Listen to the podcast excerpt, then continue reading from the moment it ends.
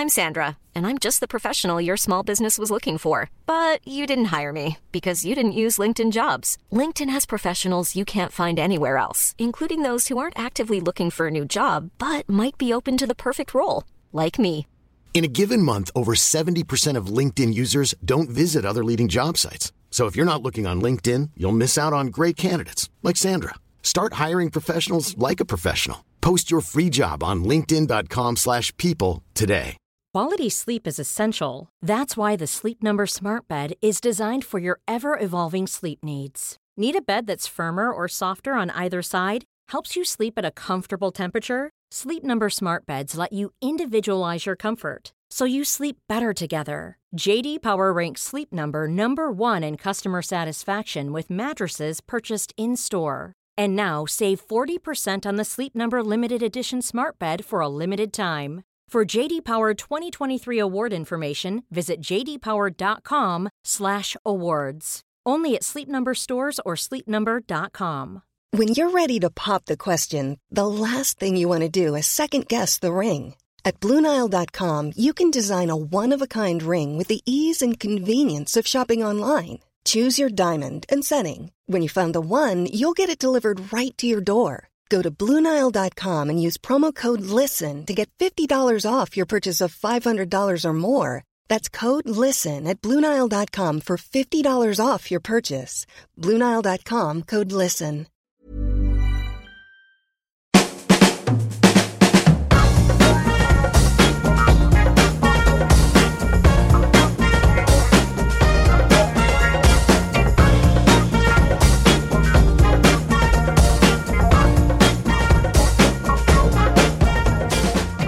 Välkomna till Health for Wealth, en podd om hälsa på arbetsplatsen. Det här är vår tredje säsong, avsnitt 36. Jag heter Boel Stier och är copywriter och kommunikatör. Jag heter Ann-Sofie Forsmark. Jag är hälsostrateg, civilekonom och hälsocoach. Och idag blir det ett lite annorlunda avsnitt, eller hur? Ja, det stämmer. Vi, vi kallar det här en eh, livepodd och eh, inte just nu när vi sitter i studion, men vi ska få lyssna på ett frukostseminarium som vi anordnade tillsammans med Skandia i veckan som gick. Och eh, rubriken var Hälsa på jobbet, en ledningsfråga. Ja, och vi har valt ut det vi tyckte blev ja, de allra bästa diskussionerna så att alla ska få ta del av dem. Med på scen var Skandias HR-chef Marie Ågren, deras hälsostrateg Kristina Hagström, eh, Samuel Kiros som är hälsovägledare på Sofiahemmet och så livsstilsprofessor som hon brukar kallas, Maj-Lis Helenius, som forskar om hälsa, särskilt förebyggande inom eh, hjärt och kärlsjukdomar. Precis. Och innan vi hoppar in och lyssnar, då, då kan vi säga någonting om sammanhanget tycker jag. Bra med lite bakgrund. Och vi har ju ett samarbete med Skandia för att vi känner att vi har en samsyn med dem i hur man tar sig an begreppet hälsa kopplat till arbetsplatsen. Mm. Och precis som vi vill göra så pratar de om hälsa från, utifrån hela individen och hela organisationen. För tidigare har man ju ofta fastnat på individnivå och nästan skuldbelagt den som har blivit sjuk.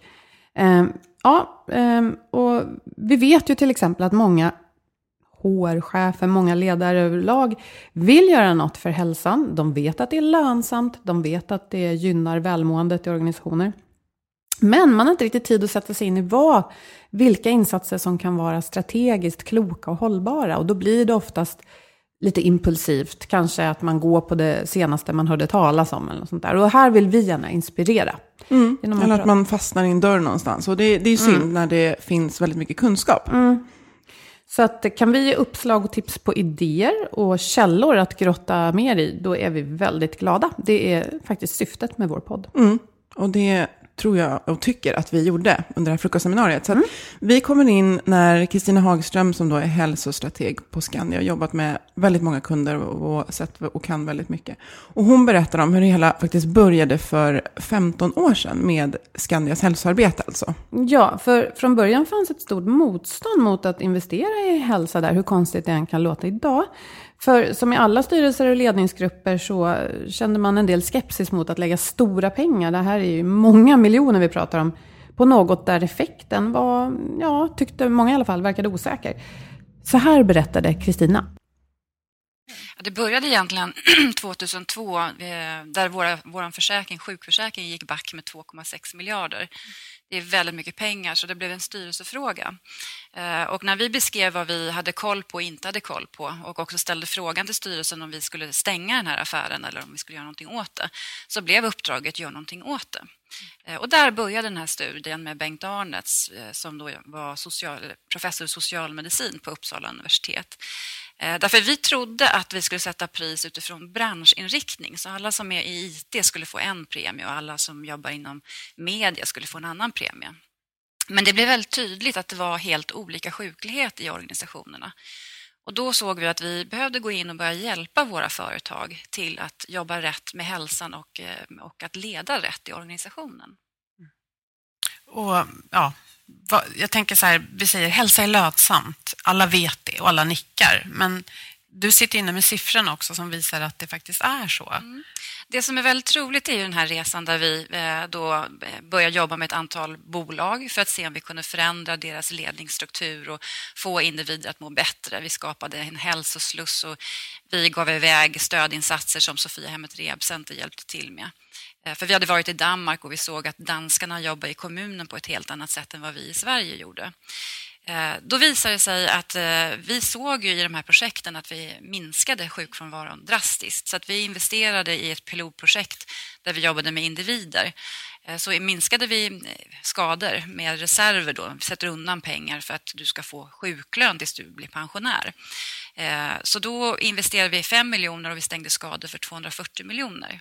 Och det blev egentligen startskottet till att vi började resonera internt att vi kanske faktiskt ska ge bort saker och ting gratis. Mm. Och det var ju väldigt kontroversiellt, minst sagt. Eh, man kan väl inte ge bort 100 miljoner i förväg och sen tro att det ska att det ska liksom minska skadorna. Men som tur var så hade vi en stor upphandling som gjorde att vi fick till den här delen. Och Det var 2009. Så, så efter det arbetet med företagen och med att vi gav iväg häls eh, hälsoförsäkringen så blev det också den här resan med hälsokedjan. Och Det är det som är roligt att det har varit kunddrivet. Så att vi sa nej först från början. Vi är ett försäkringsbolag, vi ska ju bara sälja en produkt. Men sen så har ju kunden faktiskt alltid rätt. Det kanske är så att vi ska hålla ihop processerna. Det var en väldigt tuff grupp, för de flesta hade varit sjukskrivna mer än två år. Så att vi både satte in de insatserna som finns i hälsoförsäkringen, men vi jobbade till och med med arbetsträning. Vi hade psykologer som gick med individer till arbetsplatser eh, och fick dem att bli anställda. Eh, så vi försökte tänka utanför boxen. Vi sa så här i det projektet att vi ska vara humanister men med blåslampa.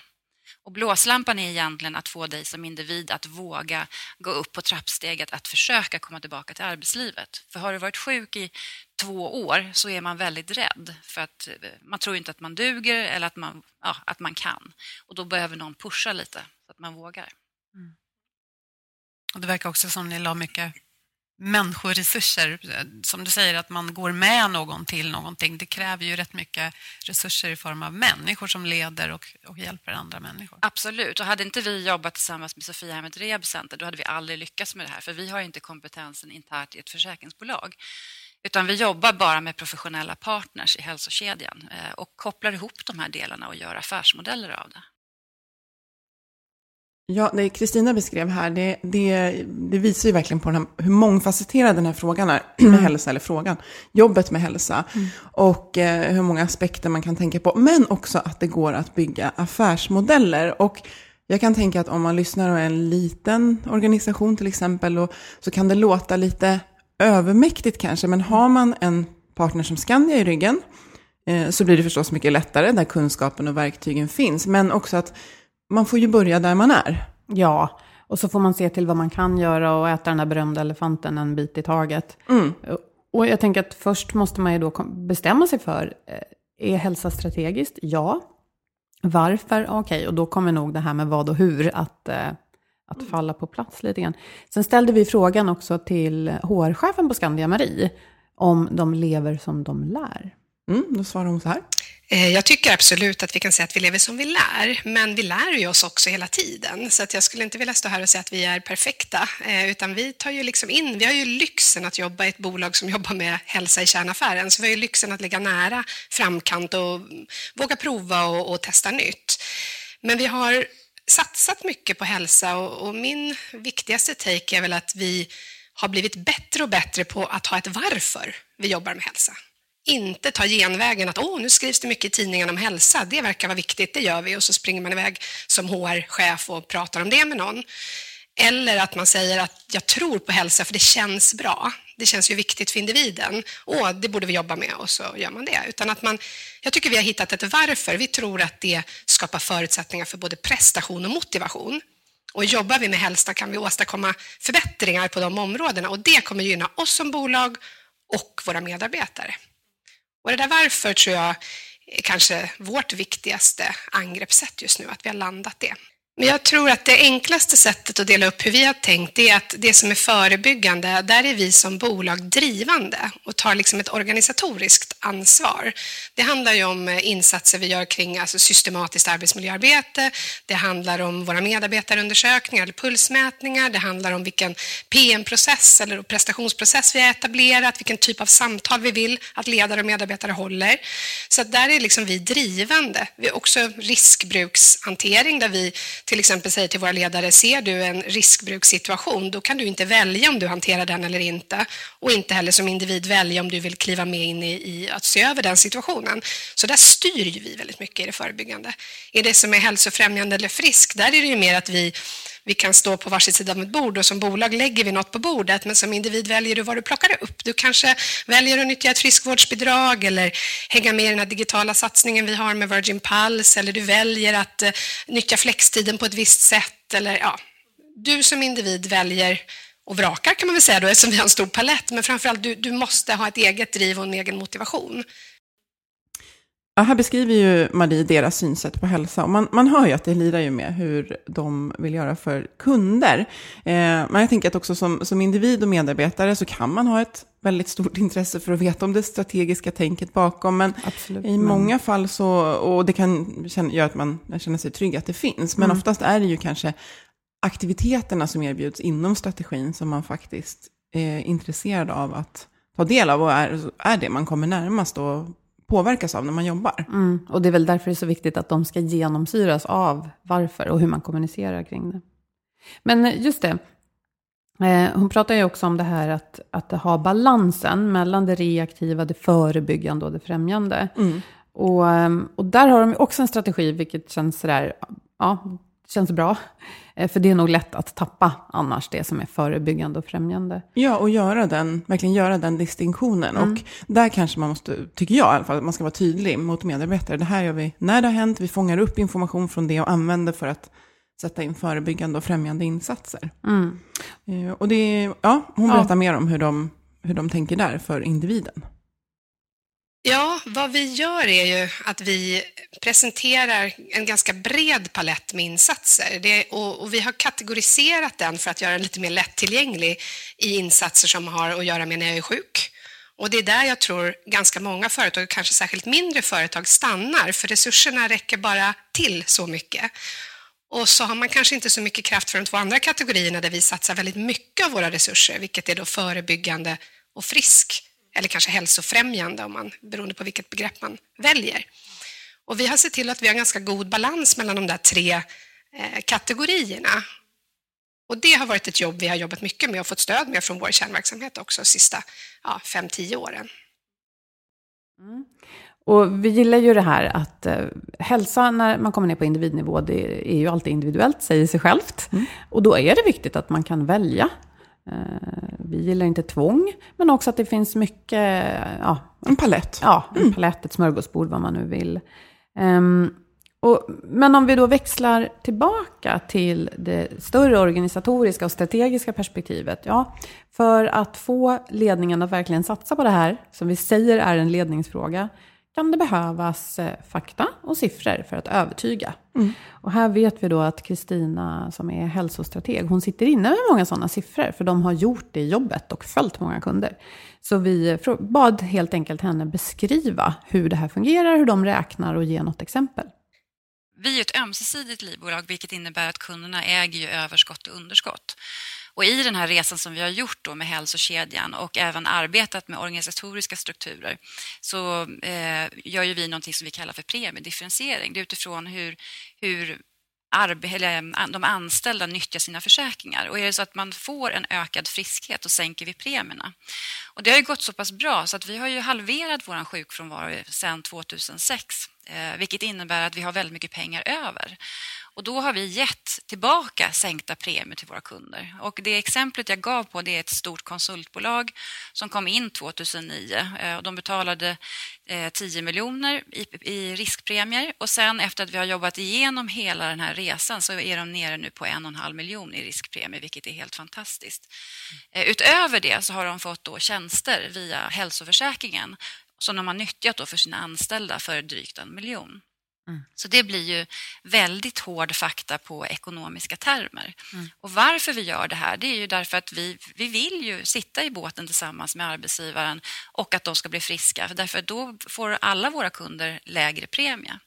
Så att vi går exempelvis ut årsvis nu och tittar på vissa bolag som sticker ut lite extra, som har problematik med stress, eh, många sjukfall, eh, där vi går in och gör projekt tillsammans med dem för att se hur kan vi hjälpa er som arbetsgivare och HR?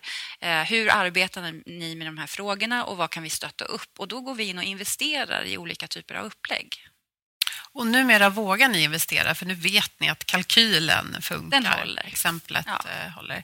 Men jag kan tänka mig att ni får att det är samma tankeprocess kanske hos ledningarna i de företag ni jobbar med. För vi säger det är en ledningsfråga med hälsa och du beskrev tidigare att det fanns ett motstånd här också när man vill göra stora investeringar. För de kostar ju och det är Absolut. en risk. Absolut. Sen är det så att det är olika i olika bolag. Vi har tyvärr vissa arbetsgivare som fortfarande inte tycker att det är en ledningsfråga utan det är en individfråga. Och då får de högre premie av oss, vilket är ganska fascinerande att man inte tar tag i frågan. Men de är fortfarande kvar som kunder. De vet att vi finns där, men de har inte valt att kliva in i det.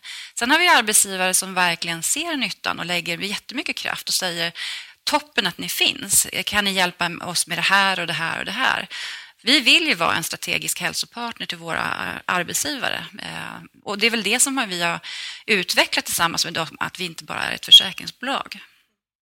Eh, tänk ändå att det finns de som får siffrorna och ser argumenten och, och ändå väljer att inte satsa. Och som har uppbackningen också, i, om man till exempel samarbetar med Skandia eller någon annan, alltså där man har stödet. Ja, det, det, är ett, ehm, jag tycker att det är ett lite läskigt tecken i tiden, men jag tror också att det, det ehm, många fler vill satsa strategiskt på hälsa, så jag tror att det, det kanske vänder, men det är fortfarande frustrerande att höra. Och eh, om man tänker på att vi, vi har ju tydliga kvitton på att det behövs genom att många fortfarande behöver, eh, till exempel Sofia Hemmets eh, stöd, mm. där bland annat Samuel jobbar.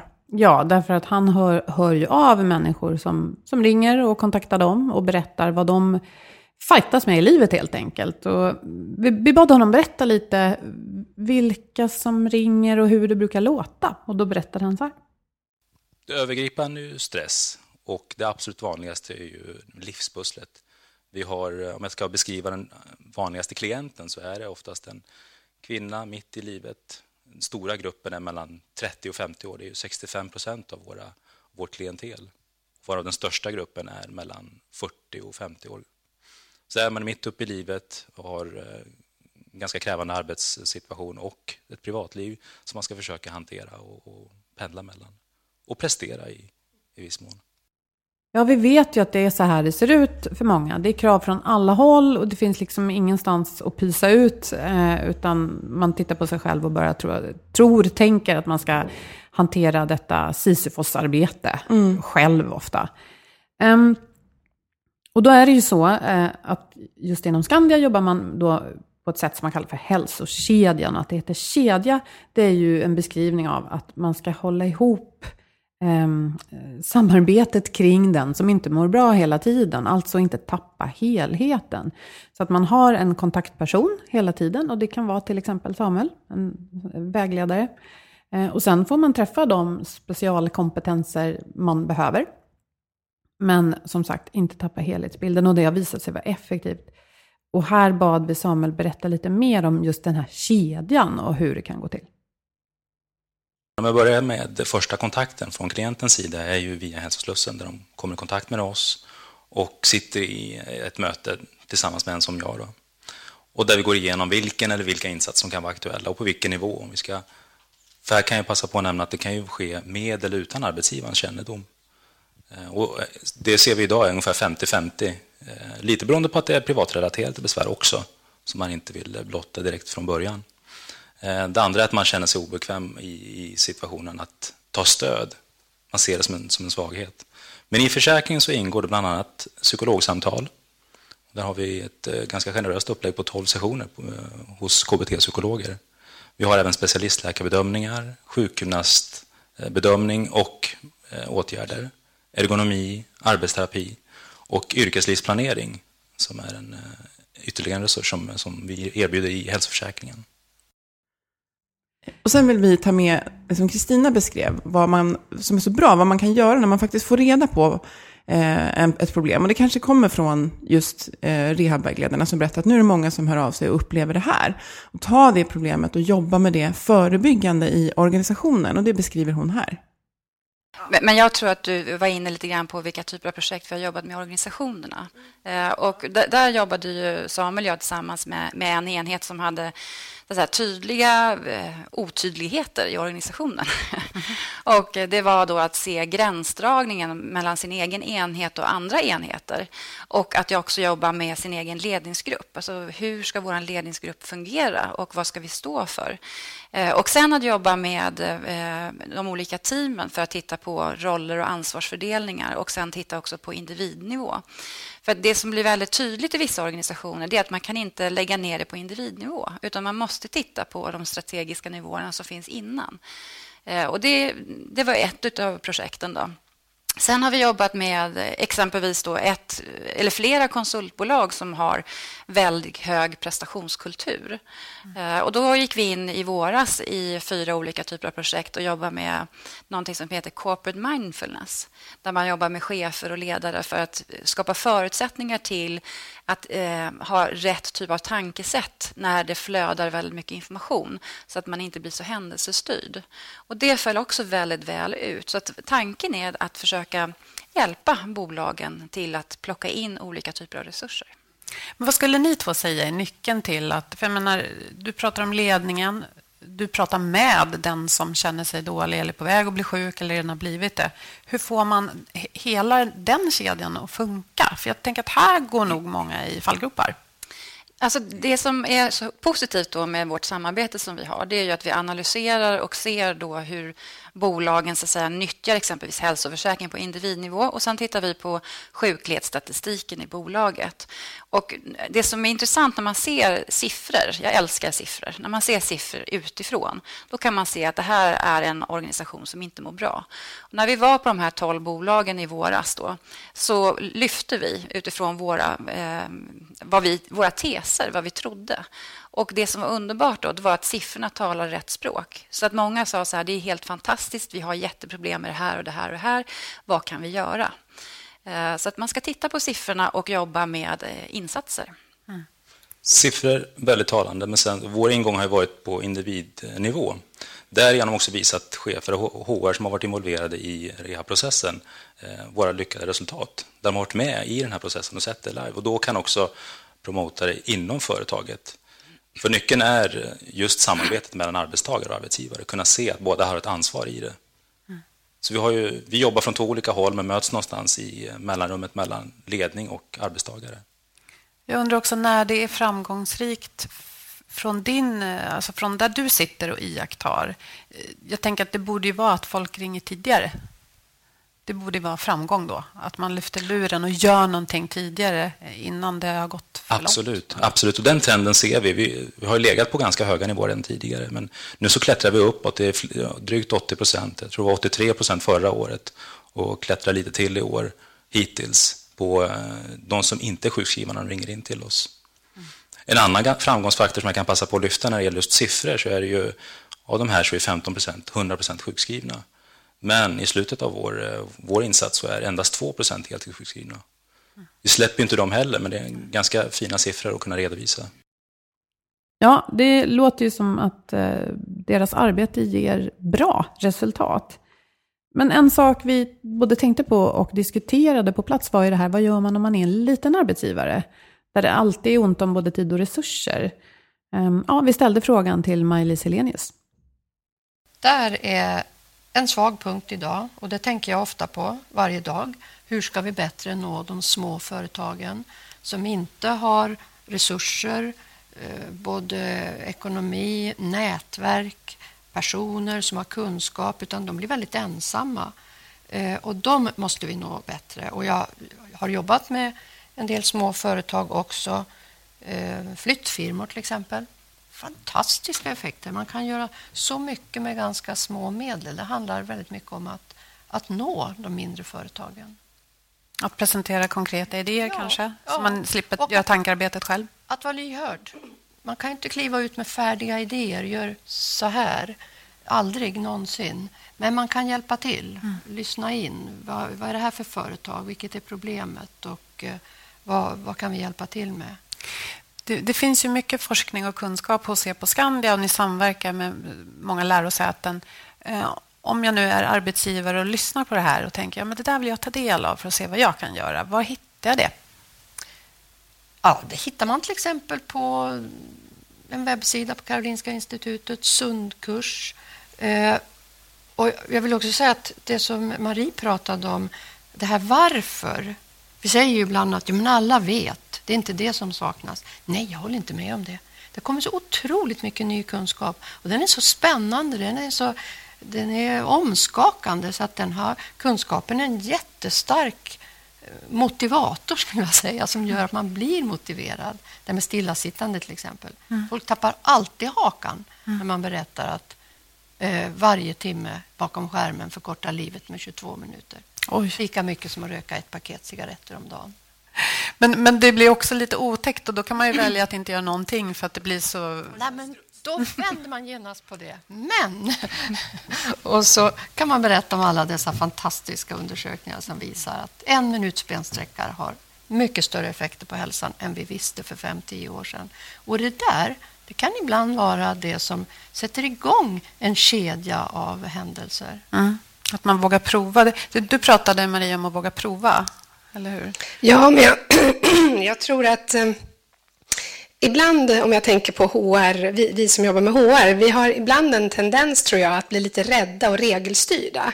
Och angriper man en fråga som hälsa utifrån den nya arbetsmiljöföreskriften och börjar slå den i huvudet på folk, så då blir det liksom en, en reaktivitet och en rädsla att göra fel och det blir liksom en, en annan ton. Så jag tror att, att om man kan locka fram det här att våga prova, känna om det funkar, göra några misstag, det är okej, att laborera lite mer eftersom det här är inget rätt eller fel bibliotek med insatser som Maj-Lis var inne på. Man måste liksom hitta det som funkar i en flyttfirma eller i ett försäkringsbolag eller ett konsultbolag. Det kommer se olika ut. Och då tror jag modet att våga prova och kassera någon idé men kanske vara väldigt uthållig i något annat som även om det är lite jobbigt eh, är det som gör skillnad. Så våga göra lite fel snarare än att fråga, våga liksom, försök till varje pris efterleva en föreskrift. Det ska vi ta på allvar och det är viktigt. Men det är inte det som ska vara drivkraften. Det ska mer vara en sanity check, att vi är på bollen på ett bra sätt. Och det här att våga prova, jag tänker våga släppa skrivbordet, kanske inte alltid man måste sitta och jobba. Ehm, För ledningen att våga prova en, en, en satsning och se hur den bär. Om, om, ja, du kanske har Ja, men ett exempel, vi, vi ändrade vår, eh, många kallar det för PM-process eller prestation eller målstyrningsprocess eh, inför det här året, där vi la bort eh, dokumentation av de löpande samtalen. Men vi sa istället att vi kräver att ni ses lite oftare för avstämning, men ni behöver inte dokumentera någonting, ni behöver inte skriva ner exakt hur varje mål går och, och status, utan liksom, här är en ensida som ger idéer på vad som skulle vara relevant att prata om. Eh, och ta gärna en promenad medan ni gör det. För tar man bort kravet på dokumentation, då möjliggör man ju helt plötsligt eh, att kunna ta samtalet på ett annat sätt. Och så får man några steg, eller i alla fall lite frisk luft. Här lyfter ju, Maria har ju varit inne på två ändar av hälsoarbetets utmaningar egentligen. Och, å ena sidan testa, våga göra fel, prova på grejer. Eh, men å andra sidan så, så är hon inne på det här med att det handlar om strategiska åtgärder. Och det kan vara svårt att eh, faktiskt bara få, få testa någonting stort och strategiskt såklart. Det går ju åt betydligt mer resurser. Och då behöver man, eh, om man får en chans, då vill man ju ha riktiga siffror och göra dem relevanta. Ja, men man kan ju börja där för att siffrorna finns, kalkylerna går att göra. Eh, på Skandias hemsida finns den här friskvårdskalkylatorn till exempel. Det finns sådana verktyg. Och, och bara öppna dörren. Men, och det är just det, hur får man då ledningens uppmärksamhet? Vi frågade Marie. Ja, men antingen så tror jag man själv ska älska siffror. Och gör man inte det så ska man kroka arm med en ekonomichef eller någon annan på sitt företag som älskar siffror. Eh, för jag tror man behöver den hjälpen. För så länge man bara pratar om hälsa som någon slags mänsklig schysst sak eller som någon trend i samhället så är det jättesvårt att få en ledning som ska betala med pengar eller tid eh, att verkligen vilja. Så att jag tror att eh, jobba med siffror som också Eh, är begripliga. Så att spring inte nu som HR så tar du fram 12, rullande 12 månaders sjukstatistik 3,2 procent. För det säger inte en ledningsperson någonting. Men översätter man det till antalet fulltidsekvivalenter, alltså heltidsarbetande det är, då kan man sätta en prislapp på det med en snittlön. Så det behöver liksom inte vara exakt vetenskap men begripliga siffror som man kan gå igång på. Det vill säga det finns en reell kostnad. Ett annat sätt är att bara räkna antalet som har en hel eller deltidssjukskrivning på lång tid. Då blir det en mänsklig aspekt som också blir ganska svårt att ducka för, för en ledning. Har vi liksom 23 personer som är liksom långtidssjukskrivna, då är det 23 personer vi kan prata om och det är svårare att ducka för. Så jobba med siffror, ta hjälp med någon som gillar siffror så, och, och jobba inte med procent. Om man ska prata om en ledning så är det ganska svårt att ha indirekta indikatorer om man vill göra en grundläggande satsning. Vi, tro, vi, vi har personalomsättning och vi tror den beror på att. Det är inte alls ett lika starkt och övertygande argument som att säga vi har 23 långtidssjukskrivna, det är inte okej. Okay. Eller om vi räknar om vår sjukfrånvaro på totalt så är det 70 eh, FTE, fulltidsekvivalenter, gånger en månadslön, gånger liksom sociala avgifter, gånger produktivitetstapp. Då blir det liksom direkta eh, resultatkonsekvenser och det är lättare att komma igenom med. Ja, och här beskriver ju Marie hur viktigt det är med, med siffror. Men även när man har siffrorna så, och man vill göra någonting så krävs det ju en investering. Och jag tror att det bör bli bättre, men det känns fortfarande som att man har svårare att se en investeringskalkyl runt hälsa än till exempel en maskin som kommer att mm. ge, ge avkastning. Och det, det är det ena problemet, att få få till den ekonomiska kalkylen. Men sen har vi själva genomförandet också. Mm, och hur organisationen är funtad. För ett problem på många håll det är just det här att jag bestämmer över min del. Jag ser bara min liksom, lilla enhet eller vad det nu är. Och att det kanske är lite rädslostyrt också många gånger. Um, ja, som vi säger då, en investering kostar inte, men den påverkar ändå likviditeten och det är en risk. Så att för att ta de här stora greppen i stora företag Eh, och även i samhället så behöver vi ju lyfta blicken och se helheten och hjälpas åt. Och det här kommer Kristina in på mer nu att det är den stora utmaningen. Om vi tittar dels internt så hade vi utmaningen när vi började att vilja ge bort saker och ting och så. För vi hade ju en kung för varje lina brukar jag säga. Eh, och det innebär att jag bestämmer över den här linan och du ska inte komma och säga någonting till mig. Det är precis likadant på nationell nivå. Eh, därför att kostnader och intäkter ligger inte i samma vågskål. Och det gör att det blir helt kontraproduktivt. Eh, så vi har försökt nu under en, en, längre period prata med politiker, eh, Socialdepartementet och Försäkringskassan att eh, våga mötas i frågan, precis som man gjorde med pensionsöverenskommelsen. Att man inte låter hälsa och sjukvård vara en politisk slagdebatt. Mm. Det är alldeles för kostsamt för Sverige.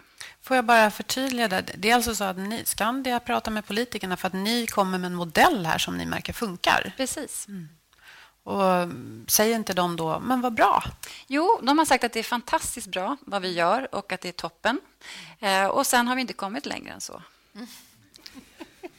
Sitter vi i samma båt? Ja, precis. Gör det.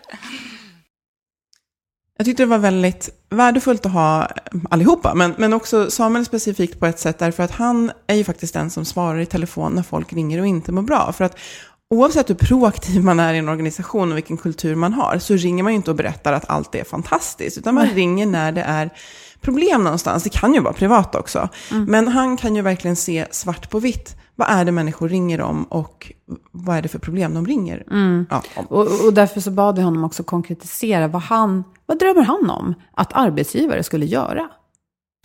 Jag tänker på det Marie sa om det här med, med AFSen, organisatorisk och social arbetsmiljö. Den är väldigt tung, den är mastig, den kan kännas mastig och slå i huvudet på. Men här... Och det du pratar om nu, det är nya regler som kom för lite mer än ett år sedan? Precis, i mars förra året så, så kom en ny författningssamling som det var väl inga nya regler egentligen, utan mer en, en tyd, ett tydliggörande för hur arbetsgivaren ska jobba med hälsa på arbetsplatsen. Och eh, där kan man använda sig av oss, hälso och rehabililedare, och man kan använda sig av några av oss som är mer dedikerade att arbeta med kundföretag.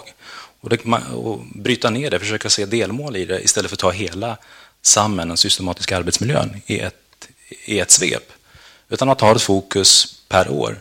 Så försöka göra den tröskeln lägre, likt för våra klienter i individförsäkring, där är tröskeln väldigt låg att komma till oss, att bara kunna bolla tankar med oss. Samma sak med arbetsgivare. Visa att det finns aktörer där ute som, som man kan stöta med och blöta tankar med.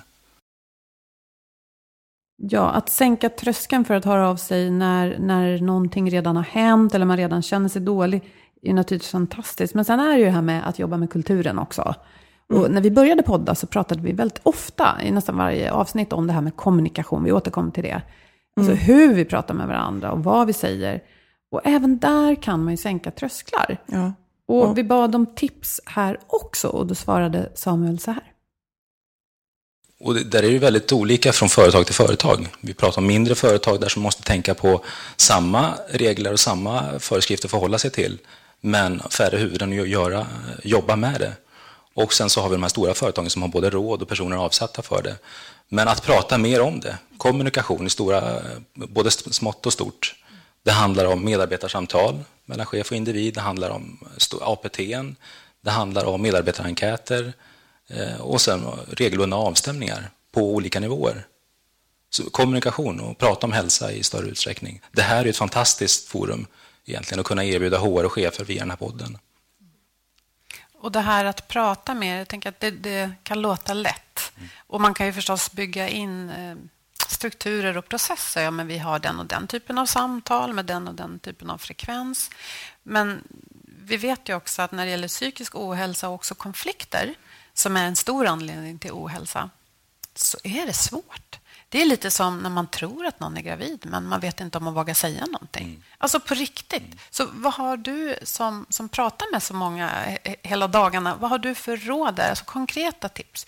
Hur kan man tänka om jag ser dig och tänker jag skulle vilja fråga men jag vågar inte riktigt och hur ska jag göra? Jättebra, det här kommer, jag kan haka på det här med kommunikation igen. För det man kan säga är att väntar vi med att prata om det så kommer det bara bli större och kanske större än själva grundorsaken var från början. Vi har ju med konflikter att göra till viss del. Jag som hälso och rehabiliterare arbetar inte direkt i en konflikt, jag hanterar inte konflikter. Men vi kan förebygga och medla, eller åtminstone möjliggöra ett forum för arbetsgivare och arbetstagare att kunna kommunicera. Och det medskick jag skulle göra där är att eh, med de här avstämningarna som man gör löpande så kan man förebygga en del konflikter och eh, inhämta kunskap om hur medarbetaren mår på individnivå, hur gruppen mår. Där tror jag att man kan förebygga konflikter. Men sen är det ju jättesvårt, det är ett jättekänsligt ämne. Mm. Många väljer att avvakta för att tänka att här vill jag respektera individens integritet någonstans. Ja. Eh, men det vi märker från våra klienters håll är att det hade varit bättre om de hade klivit in i det och ställt frågan istället för att försöka ducka. Tänk, här, här vill jag koppla tillbaka till det här med vad, vad man kan göra som en liten aktör eller stor aktör. Om det handlar om att våga fråga tidigare hur människor har det. Och här kan vi också prata om just att fråga hur man mår. Det kan kännas lite, inte ja det är personligt. Men man kan fråga, hamna i försvarsställning nästan. Ja, mm. men om man frågar hur man har det. Om man börjar bygga den kulturen. Alltså bygga kultur låter också jobbigt. Men det handlar faktiskt om att kanske testa det i eftermiddag. På, på jobbet eller på mötet. Så hur, hur har ni det? Börjar man prata om det tidigt, bygger man den här kulturen som eh, behövs utifrån det här som Samuel beskriver. Att mm. folk önskar att någon hade frågat tidigare hur de hade det. Och då måste det finnas en kultur också att man frågar varandra om sånt här och lyssnar på svaren. Ja. Så det är inte första gången man ställer frågan kanske. Som, Nej, men det är också någonting som faktiskt inte kostar någonting. Och man behöver inte vara eh, psykolog eller expert på det. Utan man, man bryr sig om. Man skapar en kultur där man frågar hur man har det. Man visar att det är viktigt att berätta hur jag har det. Och då börjar folk också berätta, ja men det är mycket nu. Det är mycket hemma, man behöver inte säga vad. Men den kulturen, det kostar ingenting. Det kan man göra på en jättestor organisation i de former man träffas och det kan man göra på en liten organisation också. Mm, bygga relationer eh, och trygghet och tillit. Mm. Mm. Ja, det här var ju en diskussion om hur vi mår inuti eller mentalt eller hur vi vill rubricera det där. Um, men så vill vi förstås prata om fysisk aktivitet också och det är ju så med hälsa, det spänner över så mycket. Ja, och speciellt med Miley's ja, i studion. Ja. ja, det här är ju hennes grej, absolut. Som hon brinner för. Och hon nämnde ju det här också att vi, har, vi bygger bort rörelsen från det att vi är barn. Så vi aktivt hindrar varandra att röra oss, vilket vi börjar inse nu, vilket är helt galet. Men då är frågan, ja, när vi har den här insikten, hur börjar man jobba med det? Eftersom eh, en, en arbetsplats ser ofta ut så att det är stol, bord, dator, det är byggt för stillasittande. Och då gav hon lite tips, det lät så här. Promenadmöten är ett fantastiskt exempel och att man underlättar promenadmöten. Eh, man kan ha en walk and talk guide, låter så häftigt på engelska, att man eh, stegar upp. Så mm, på KIs hemsida till exempel så har vi gjort en sån eh, att har du en halvtimme på dig så kan du gå den vändan och då får du 3000 mm. steg.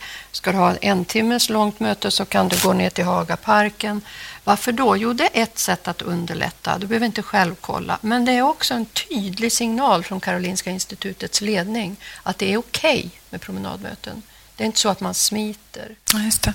det är små konkreta saker som att nästa gång man ska byta, flytta till en ny lokal eller kanske bygga en ny lokal, att man har, jag tar bara några konkreta exempel, en stor snygg trappa i mitten. Låta trappan bli en mötesplats eller en utställningshall som lockar folk till att gå i trappor. Även om det är 14 våningar så kan man gå fem eller sex och till slut så går man 14.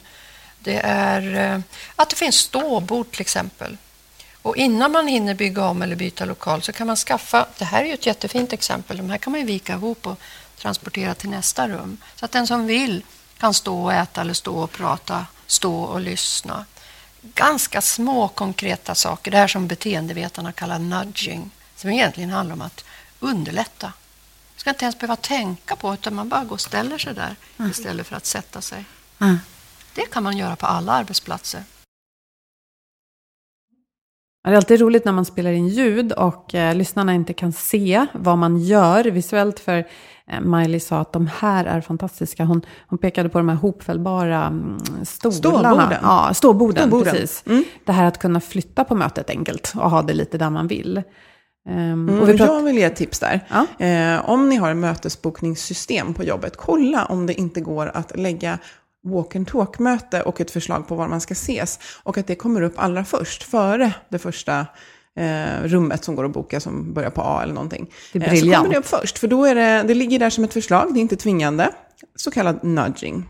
Vi puffar folk. Det gillar vi verkligen. Mm. Och eh, apropå just det här hur, hur vi jobbar med hälsa, att vi inte tvingar, att vi inte pushar. Det är ju så viktigt också att man inte hamnar i något läge där de här hälso aktiviteterna blir en stressfaktor i sig. Och det här kommer Maj-Lis in på lite senare. Apropå eh, mental, alltså att inte må bra. Det är ett extremt fokus på hälsa på företag nu. Och man får ju också vara lite försiktig. För det får inte vara så att det blir krav eller måste. För tillvaron är väldigt kravfylld redan. Utan att det är just en möjlighet, ett erbjudande du får. En omtanke. Inte att man ska springa maran eller man måste prestera si och så på testcykeln, annars får man inte vara anställd på det här företaget. Det finns sådana tendenser också. Kristina? Jo, eh, jag måste ju nämna när vi är inne på det här, därför att eh, vi har ju tagit nästa steg i hälsokedjan just i det förebyggande eller det hälsofrämjandet. Eh, och vi började faktiskt med oss själva att implementera eh, Virgin Pulse, en digital hälsoplattform. Eh, och hela den plattformen är mer än bara steg. Den är också hur hur eh, jag vill jobba med olika hälsovanor. Allt ifrån eh, hur jag stressar, hur jag sover, vad har jag för relationer, jobbar jag med ideellt arbete, hur ser min ekonomi ut och så. Eh, och det där eh, är ju också då att man kan bjuda in vänner och ha någon typ av gamification. Så vad vi gör nu det är att vi implementerar det först hos oss själva på Skandia och sen så går vi ut på de stora bolagen att få in det. Och gensvaret är enormt. Eh, det ligger i tiden av att man vill då plocka fram en palett och att man själv väljer att, att plocka det. Och Det som jag tycker är allra roligast då när jag pratar med mina kollegor det är att det, det blev sån snackis och att man börjar titta på ja, men jag kan ju faktiskt gå ifrån centralen istället för att åka tunnelbanan. Jag kan ju faktiskt gå i trapporna och jag kan stå. Det som blev lite jobbigt för mig det var att alla tittade på vad jag åt och att jag stod i hissen. så att, men det som är underbart det var att det blev en sån bubblare. Så att vi hoppas ju på nu att vi kan skapa samma bubbel hos våra arbetsgivare, våra kunder. Så att man så att underlättar till, till att uh, både få en extra hälsobonus som vi ger bort men också att uh, skapa de här utmaningarna och lekarna och liknande som man kan göra. En app är det, eller hur? Mm. Det är en app man laddar ner. Precis. Virgin Pulse är en digital hälsoplattform, en app. Uh, de flesta använder den bara i mobilen. Eh, du får eh, dagliga kort som du läser och talar om att du tar till dig. Eh, du registrerar dina steg, du får registrera din, din aktivitetsnivå, hur du sover och liknande. Och sen utifrån att du är där så bygger vi upp en hälsobonus som sen Skandia betalar ut som kan bli ända upp till 1000 kronor per år. Och det är inte pengar, utan då får du ut det i friskvårdstjänster. Så syftet är att, att ha ett kugghjul som hela tiden tänker på att skapa rörligheten på ett roligt sätt. Och nu, du sa rolig alldeles nyss och tidigare sa du lek. Mm. Det är ord som jag tycker om. För jag tänker att såna här insatser, det kan ju bli så att nu ska vi belöna alla som brukar springa omkring med tights i korridorerna. Hur, hur, undviker man det? Ja, man kan säga så här att det, det jag har fått som feedback då, eh, från de som springer med tights, alltså de här superduper-grabbarna och tjejerna, de tycker att Virgin Pulse det är bara löjligt. Uh, och Det som är underbart då, det är att vi har verkligen fått träff på målgruppen som vi vill få träff på. Där man kommer på att jag borde egentligen, exempelvis som när jag lyssnade på dig första gången, det har gjort att jag står och jobbar nästan hela tiden. Därför att det är de här små triggerserna. Eller att jag har kollegor som går från tunnelbanan och inte har gjort det tidigare. De här enkla små vardagsgrejerna. Mm. Så det är liksom, målgruppen är att, att få oss vanliga dödliga att tänka, kan jag göra något i vardagen? Och att de Ja, förlåt. Jag tänker gamification det är ett begrepp att man, man gör det som spel. Och där, där, kan det väl också komma in lekfullhet då. Men då är det viktigt att man inte måste visa vad man äter eller om man är i hissen. Nej, nej precis. Men det, det blir ju lite så att alla skojar med varandra och så där. Och det tycker jag också är lite roligt, att, att det blir en bubblare och att man pratar om det.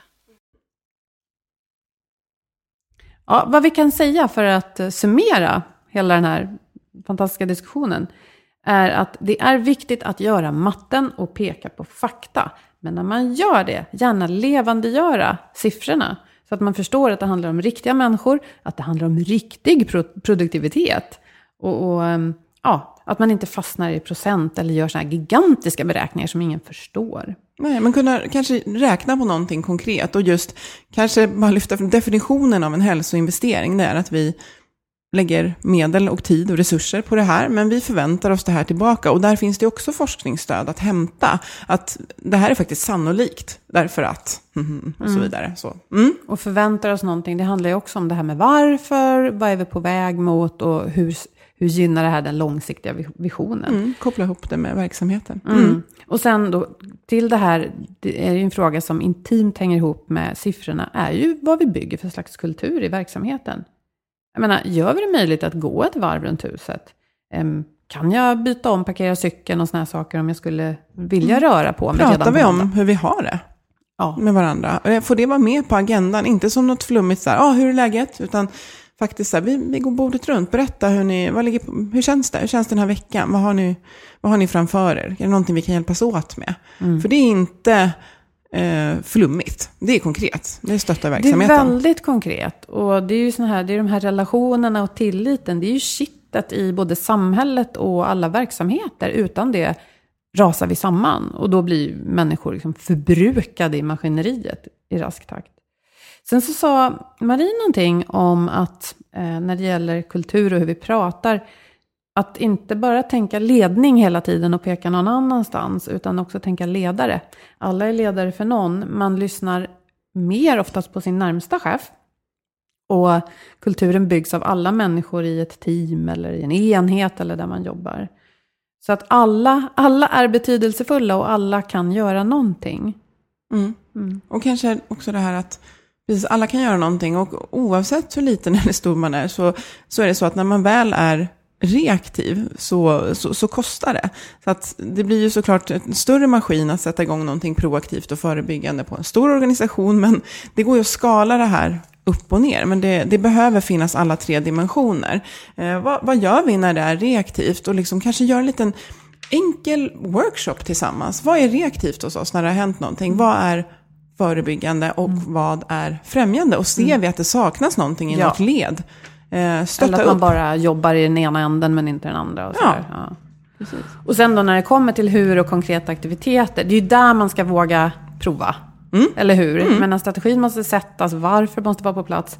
Eh, men sen att våga prova i, liksom, det, på det konkreta planet, det är ju självklart. Och jag gillar också det här att vi var inne på det lekfulla. Mm. Jag menar oavsett om vi pratar om någon app, det kanske inte passar alla, men jag menar bara att man tar det där promenadmötet och känner att även om det känns lite konstigt första gången, så våga fråga kunden, kan, Mm. kan vi gå en tur? Vi har liksom ett uppmätt avstånd här. Ja. Ja, Vi behöver inte tänka, vi bara hakar på och gå. Här är ett Mm. paraply. ja, Mm. Nej men precis, eh, när, när, när syftet varför är satt, då är det fritt fram och, och testa olika saker och, och lyfta och utmana varandra och sådär. Men, men på ett lekfullt sätt, för att vi vet ju att vi behöver ha lite kul också. Kan vi passa på att ha det inom hälsoområdet? Ja, och det här hjälper ju också oss att bygga de här relationerna som är så viktiga. Och det här med svåra samtal, eller härliga samtal för den delen också.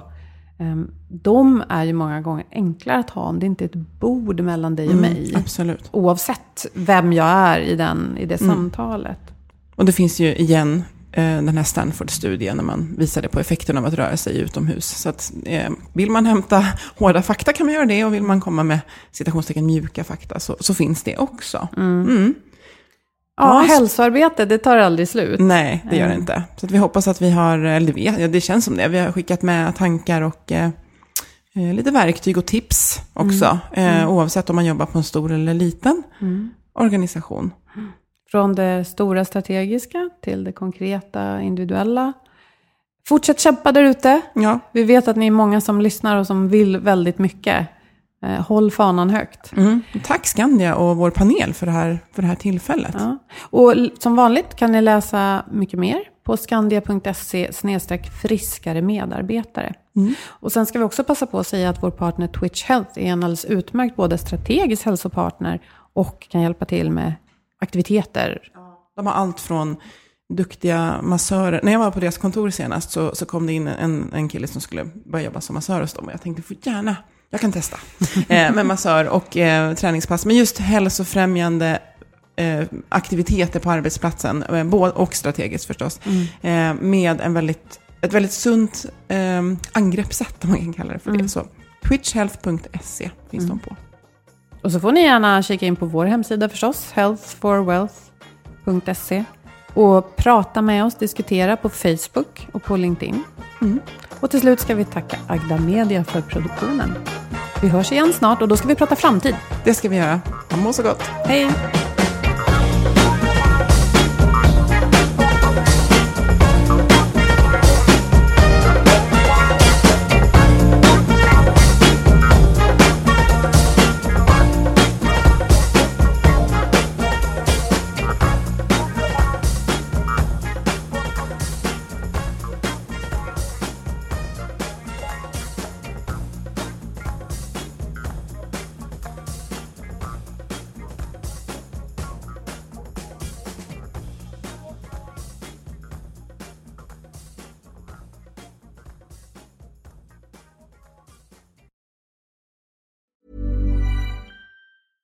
Imagine the softest sheets you've ever felt. Now imagine them getting even softer over time. That's what you'll feel with Bowl and Branch's organic cotton sheets. In a recent customer survey, 96% replied that Bowl and Branch sheets get softer with every wash. Start getting your best night's sleep in these sheets that get softer and softer for years to come. Try their sheets with a 30-night guarantee. Plus, get 15% off your first order at bowlandbranch.com. Code BUTTERY. Exclusions apply. See site for details. Cool fact a crocodile can't stick out its tongue. Also, you can get health insurance for a month or just under a year in some states. United Healthcare short term insurance plans, underwritten by Golden Rule Insurance Company, offer flexible, budget friendly coverage for you. Learn more at uh1.com. Mom deserves the best, and there's no better place to shop for Mother's Day than Whole Foods Market. They're your destination for unbeatable savings, from premium gifts to show-stopping flowers and irresistible desserts. Start by saving 33% with Prime on all body care and candles. Then get a 15-stem bunch of tulips for just $9.99 each with Prime. Round out Mom's menu with festive rosé, irresistible berry chantilly cake, and more special treats. Come celebrate Mother's Day at Whole Foods Market.